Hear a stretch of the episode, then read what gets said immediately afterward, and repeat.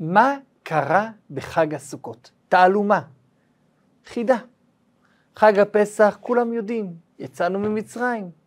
חג שבועות, קיבלנו את התורה. ראש השנה, הקדוש ברוך הוא ברא את האדם. יום הכיפורים, קיבלנו את הלוחות השניות. יום מחילה וסליחה, מאז ועד היום. חנוכה, חגים דה רבנן, ניצחנו את היוונים. פורים, היה את הנס לחג הפורים. מה קרה בחג הסוכות? על מה חוגגים ריבונו של עולם? וזה לא סתם חג, זה החג היחידי שנוסף לו יום. שמיני עצרת, הקדוש ברוך הוא אומר, בבקשה, תוסיפו עוד יום לחג המיוחד הזה, לא רק שבעה ימים, שמונה ימים.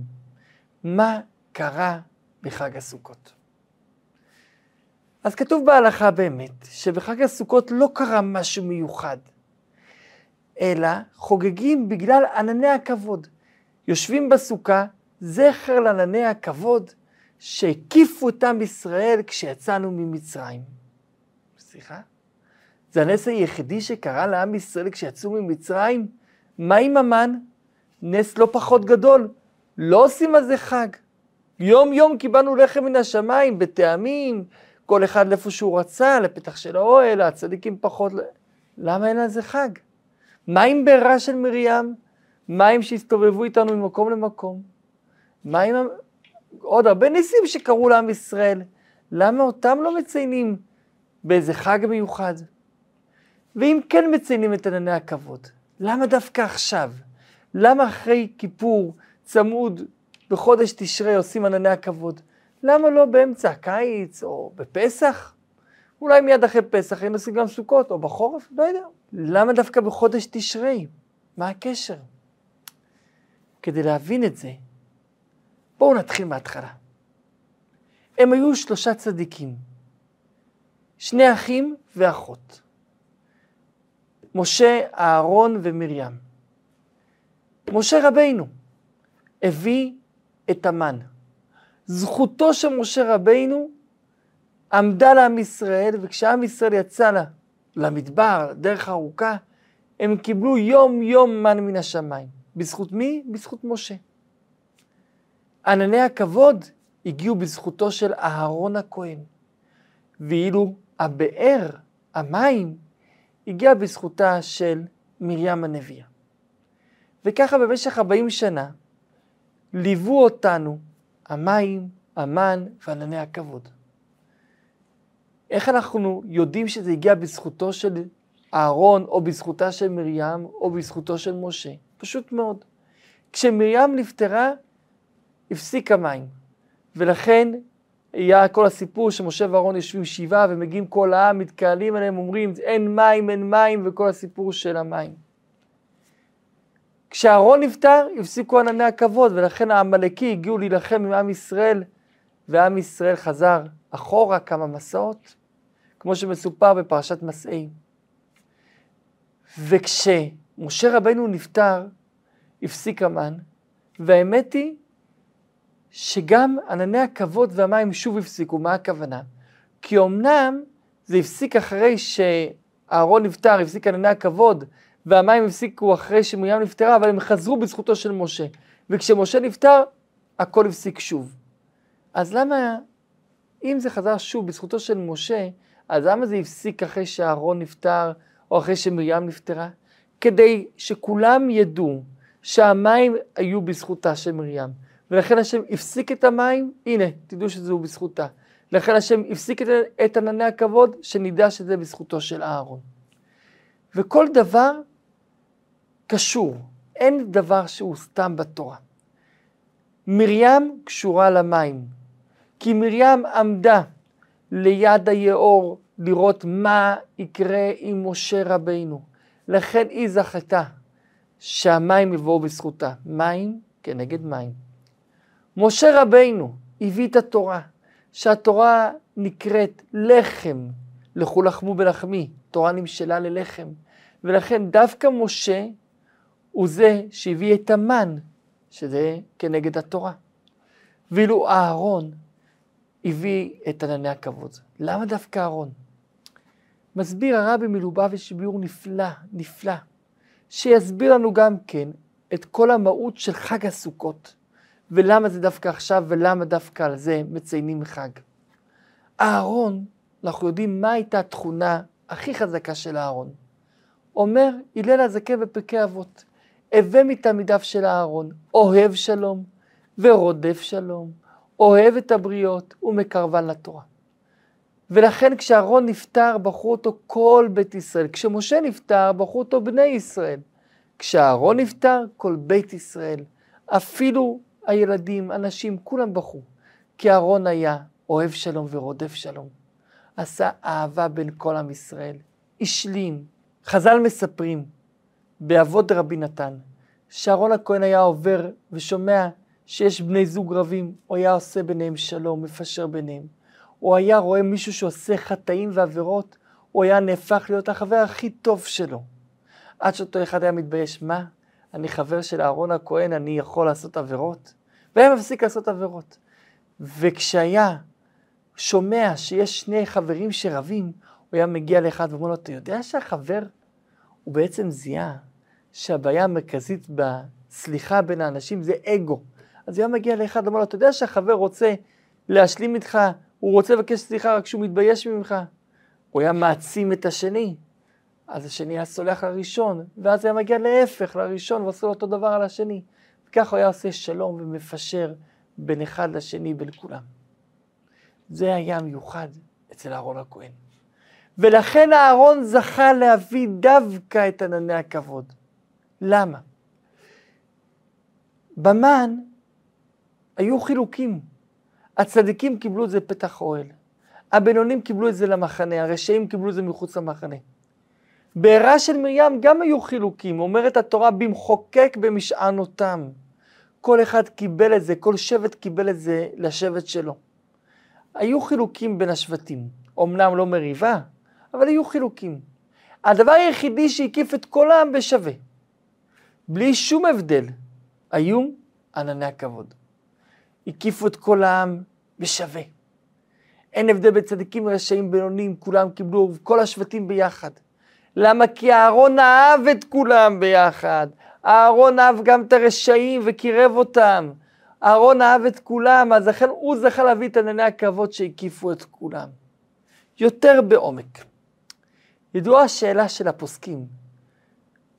ענני הכבוד הרי היו שבעה עננים, ארבע מארבע הצדדים, אחד למעלה, אחד למטה, שש, ועוד ענן שלח לפניהם להראות את הדרך. בסוכה אנחנו עושים זכר אך ורק לעננים שבצדדים, שזה של הסיכוך, ולענן של הלמעלה. למה אנחנו לא עושים זכר ללמטה? למה אין שום חובה לשים סכך על הרצפה? הרי היה ענן מתחת הרגליים גם. אז כמו שעושים סכך למעלה, היו צריכים לכאורה לשים סכך למטה לרצפה של הסוכה. למה לא עושים? מבאר על כך הרבי, על פי מה שאמרנו מקודם. המטרה של ענני הכבוד היא אהבה. ולכן עושים זכר רק ללמעלה ולא ללמטה. מה הקשר? ניתן לזה משל קטן. אם אני עכשיו מוציא טיול את אנשי הקהילה שלנו, אנחנו מפעם לפעם נוסעים לטיול, פעם בירושלים, פעם חברון, יוצאים עכשיו לטיול. איזה רכב אני אביא? איזה מיניבוס? את המיניבוס הכי טוב שאפשר, שיש בו מזגן טוב, שיהיה נעים, אבל אם אני לוקח להבדיל אלף אלפי הבדלות מחבלים, מעביר אותם מכלא לכלא, האם אני צריך לדאוג להם למזגן טוב לדרך? לא. שיסבלו קצת, הם לא ימותו מזה. מה, אני צריך לפנק אותם? עד היום בתי הכלא בארץ הם בלי מזגנים. פנימיות, כולם, בתי ספר, הכל עם מזגן, אין לך היום פנימייה נורמלית בלי מזגן. בתי הכלא זה המקום היחידי שבשורת המזגן לא הגיעה אליהם. אין לי עניין לפנק מחבלים. אין לנו עניין לתת פרס שיהיה להם משהו נעים או כיף. הקדוש ברוך הוא, להבדיל כמובן ממה שאמרנו קודם, הוציא את עם ישראל ממצרים. אמר להם, בואו תצאו עליי, תלכו אחריי, לכתך אחריי במדבר בארץ לא זרוע. אם הקדוש ברוך הוא לא היה מביא מים, עם ישראל היה מת. אם הקדוש ברוך הוא לא היה מביא לחם, עם ישראל היה מת. כביכול הקדוש ברוך הוא מוכרח להביא מים. הקדוש ברוך הוא כביכול מוכרח להביא לחם. אין אפשרות אחרת. אם לא, לא יהיה עם ישראל. אז נכון, המים הגיעו בזכותה של מרים, אבל זה נס מוכרח. חייב היה להיות מים לעם ישראל. מרים זכתה שהיא זאת שתביא את זה. אותו דבר גם כן המן, הלחם. זה נס מוכרח, חייב להיות לחם, אם לא, עם ישראל לא יהיה חי. משה היה זה שזכה שהזכות הזאת תבוא דרכו. אבל ענני הכבוד, מה הם ענני הכבוד? אז ענני הכבוד היו כמה תפקידים, היה להראות את הדרך, ה-GPS הראשון, ה-Waze הראשון, זה היה ענני הכבוד שהלך לפניהם להראות את הדרך. והיה ענן שהיה למטה לרצפה, שהיה מיישר את הדרך, שיהיה להם קל ללכת והורג את החיות. היה שם כל מיני חיות, עקרבים, נחשים, כל החיות של המדבר, שהיה בעצם מיישר את הדרך והורג אותם. והיה את העננים, והיו את העננים שמסביב ולמעלה, שהמטרה שלהם היה לבל יכה בהם שרב ושמש, להצילם מזרם וממטר. זאת אומרת, המטרה של העננים מלמעלה ומהצדדים, שפשוט יהיה אוויר טוב לעם. שיהיה להם מזגן, זה המזגן הראשון בהיסטוריה. שיהיה להם כיף ללכת, שיהיה להם נעים. אפשר להסתדר בלי זה? אפשר. אפשר. אפשר לשים על הראש איזה כאפייה, לשתות הרבה מים, כי יש להם מים בשפע, ואפשר להסתדר גם בלי זה. אבל הקדוש ברוך הוא רוצה שהם ילכו בכיף, שיהיה להם נעים. ולכן הקדוש ברוך הוא עשה להם את המזגן. לכן, חג הסוכות, את מה אני מציין? לא את המן, כי המן הקדוש ברוך הוא כביכול היה מוכרח להביא. לא את המים, כי את המים כביכול הקדוש ברוך הוא היה מוכרח להביא. דווקא את ענני הכבוד. וגם בענני הכבוד, לא את הענן שהלך לפניהם להורות את הדרך, להנחותם הדרך. כי זה, אם לא, איך הם ילכו, לאיפה הם ילכו? ולא את הענן שהרג את החיות, כי אם הם ימותו הם לא יבואו לארץ. זה גם הקדוש ברוך הוא כביכול מוכרח היה להביא להם. רק את העננים שמלמעלה ומהצדדים, שהמטרה שלהם הייתה שיהיה להם אוויר נעים, שיהיה להם מזגן בדרך. רק אותם אנחנו מציינים ועושים על זה חג. למה? כי זה מראה את האהבה שהקדוש ברוך הוא אלינו. אם הקדוש ברוך הוא חלילה לא היה אוהב אותנו, אבל הוא הכריח אותנו לצאת לדרך, אז הוא היה מביא לנו מן, היה מביא לנו לחם, היה מיישר לנו גם את הדרך והורג את הנחשים, אבל הוא לא היה מביא לנו מזגן, לא יעשה לנו נעים. אבל הקדוש ברוך הוא אוהב אותנו. הקדוש ברוך הוא לא רק שאוהב אותנו, אלא אוהב אותנו כמו אבא שאוהב את בנו יחידו שנולד לו לעת זקנתו. אהבה אינסופית. אז הקדוש ברוך הוא רוצה לפנק אותנו. אז הוא הביא לנו גם מזגן לדרך. על זה אנחנו עושים את חג הסוכות. את זה אנחנו חוגגים. את האהבה שהקדוש ברוך הוא הביא לנו. שמתגלית ומתבטאת בענני הכבוד שיהיו מלמעלה ובצדדים. לכן דווקא אותם אנחנו עושים בסוכה, לא למטה. ולכן הסוכה כתוב בקבלה שזה החיבוק של הקדוש ברוך הוא, וימינו תחבקני. ולכן אנחנו לא צריכים לעשות, אין חובה לארבע דפנות, החובה היא לשתי דפנות ודופן שלישית אפילו טפח. מינימום שלוש דפנות, אבל לא צריך שלוש דפנות מלאות, אלא שתי דפנות והשלישית אפילו טפח זה צורה של חיבוק. דופן, דופן, ודופן אפילו טפח, חיבוק. השם מחבק אותנו. למה השם מראה אני אוהב אתכם, אני אוהב אתכם. ולכן דווקא אהרון זכה להביא את זה, שאהרון אהב את עם ישראל, אז הוא זכה לגלות את האהבה של הקדוש ברוך הוא אלינו. ואת זה אנחנו מציינים. ולכן חג הסוכות זה זמן שמחתנו, זמן שמח. למה זה זמן שמח? כי זה זמן שאנחנו רואים שהשם אוהב אותנו. נו, יש יותר שמחה משרואים שאוהבים אותך? ועוד מי אוהב אותך? הקדוש ברוך הוא. ולכן כל החגים הם שמחים. פסח שמח, שבועות שמח, אבל רק על חג סוכות נאמר זמן שמחתנו. ואומר הרמב"ם שבחג הסוכות יש שמחה יתרה. מסביר על כך הרבי כי בכל החגים נאמר ושמחת. בחג סוכות נאמר שלוש פעמים ושמחת בחגיך. להגיד לך שיש שמחה יתרה, ולכן עושים שמחה בית השואבה, ושמחים כל הלילה. גם היום צריכים לעשות את זה, אפילו שאין לנו בית המקדש, כי זה מטעם השמחה של החג. אז לכן שהיום שאנחנו לא שואבים מים, ואין לנו שמחת בית השואבה של בית המקדש, צריך לעשות שמחה יתרה בחג הסוכות, ולכן צריך לרקוד כל לילה, לעשות שמחה, שמחה. לרקוד, לשמוח, כי המצווה לא בטלה. בית המקדש לצערנו לא קיים כרגע, בעזרת השם יחזור במהרה בימינו, אבל השמחה בחג, שמחה יתרה, אנחנו אומרים בתפילה, זה מען שמחתנו. יש יותר שמחה מזה? יש יותר שמחה מזו? אנחנו נמצאים בחיבוק של הקדוש ברוך הוא, רואים את החיבה יתרה. יש יותר שמחה. ולכן, זה הזמן שבו אנחנו רואים את האהבה של השם אלינו. אז אם כן, חג סוכות זה חג האהבה. חג של אהבה של הקדוש ברוך הוא אלינו. אז אנחנו מחזירים לו בחזרה אהבה. ולכן, מיד בסיום חג סוכות, מסופר בתורה, הקדוש ברוך הוא אומר, תעשו לי עוד חג. שמיני עצרת, אומר רש"י, אמר הקדוש ברוך הוא, קשה לי פרידתכם, קשה לי שאתם נפרדים. אני רוצה שתישארו עוד יום. למה? זה חג שכולו אהבה. אז תישארו עוד יום, זה לא חג פסח או שבועות, שזה קצוב בזמן. אני רוצה שהאהבה הזאת תמשיך, שלא תהיו מופרדים ביניכם גם כן. לא, קשור, לא כתוב קשה לי פרידתנו, כי הקדוש ברוך הוא אף פעם לא נפרד מאיתנו. כתוב קשה לי פרידתכם, קשה לי שאתם נפרדים ביניכם. תישארו עוד יום מתוך אהבה, מתוך שמחה. ולכן עושים עוד יום שמיני עצרת. ולכן עושים את שמחת תורה. הרי שמחת תורה זה מנהג. החג זה שמיני עצרת. לא כתוב בתורה לסיים את התורה בחג הזה, אלא זה מנהג שנכנס בעם ישראל. ועל פי ההלכה אין חובה בהקפות. אבל עם ישראל מעצמו עושה את מנהג ההקפות, אפילו שאין חובה. ולא רק זה, ובארץ עושים הקפות שניות. ובחוץ לארץ הוסיפו את ההקפות של אלה שמיני עצרת, כדי שיהיה שלוש פעמים הקפות, לילה, יום, ובמוצאי החג בארץ, ושם בליל שמיני עצרת, גם שלוש הקפות, כדי להוסיף באהבה לקדוש ברוך הוא, להוסיף בשמחה, בריקוד. הקדוש ברוך הוא לא חייבת אותנו. אבל אנחנו אוהבים אותך, אז אנחנו עושים את זה. מתי אני רואה אהבה אמיתית? דווקא במנהגים. כי את המצוות אנחנו חייבים לעשות, אבל המנהגים זה למעלה מהמצוות במובן הזה של ביטוי האהבה שלנו לקדוש ברוך הוא. ולכן גם אנחנו מוסיפים ועושים את שמחת תורה, ולא רוצים לעזוב את התורה, וכשנגמר שמחת תורה עושים את ההקפות שניות, לא רוצים לעזוב את התורה.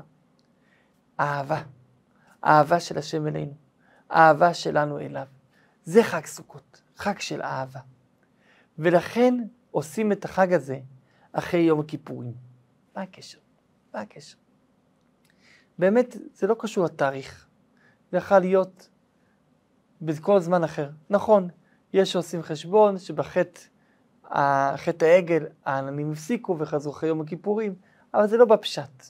באמת בפשט אין קשר דווקא לתאריך. אבל למה עושים את זה אחרי יום הכיפורים? האמת היא שכל חודש תשרי, ראש השנה, עשרת ימי תשובה, יום הכיפורים, ארבעה ימים שבין כיפור לסוכות, סוכות, שמחת תורה, שבת בראשית, הכל זה חג אחד גדול. אבל כמו כל מטבע, יש צדדים למטבע. ולכן, סוכות ושמחת תורה זה בעצם שני צדדים למטבע אחד. ניקח דוגמה ממטבע. יש לנו עכשיו פה מטבע. כל מטבע יש לו שני צדדים, אבל זה מטבע אחד. סוכות ושמחת תורה הם בעצם שני צדדים של מטבע אחד. החצי השני של המטבע זה ראש השנה ויום הכיפורים. ראש השנה, עשרת ימי תשובה, יום הכיפורים, זה זמן שבו אנחנו יראים מהקדוש ברוך הוא. זה זמן שבו אנחנו מתקרבים מאוד מאוד לקדוש ברוך הוא. הקדוש ברוך הוא מתגלה בשיא תפארתו ולכן יש יראה. זמן שמחתנו נקרא גם ימים נוראים.